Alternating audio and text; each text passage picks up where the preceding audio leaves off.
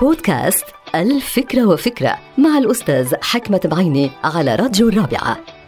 من المعروف أن الهيدروجين هو أخف العناصر الكيميائية على الإطلاق. حيث يتكون من بروتون واحد وإلكترون واحد فقط لا غير كما يتمتع برشاقة ومرونة بالمقارنة مع العناصر الأخرى. الهيدروجين أخف من الهواء بحوالي 14 مرة وعنده قدرة كبيرة على الانتشار والتدفق والتواصل.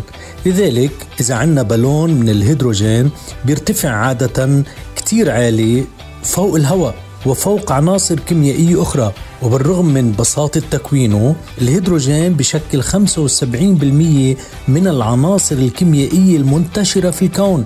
أي بمعنى آخر هو السلطة الحاسمة في الكون لأنه قادر على التواصل بمرونة مع العناصر الأخرى والمرونة في الكيمياء تشبه الدبلوماسية في الحياة أي القدرة على التواصل السهل والسلس واللطيف. وقياسا على ذلك أي قياسا على مبدأ الرشاقة والتواصل والبساطة فإن من يتمتع بهذه الخصائص قادر على الترفع والارتفاع والتفوق على الآخرين. نعم للرشاقة والبساطة والسلاسة والدبلوماسية والقدرة على التواصل. نعم للهيدروجين. انتهت الفكرة. هذه الحلقة مقتبسة من كتاب الفكرة وفكرة.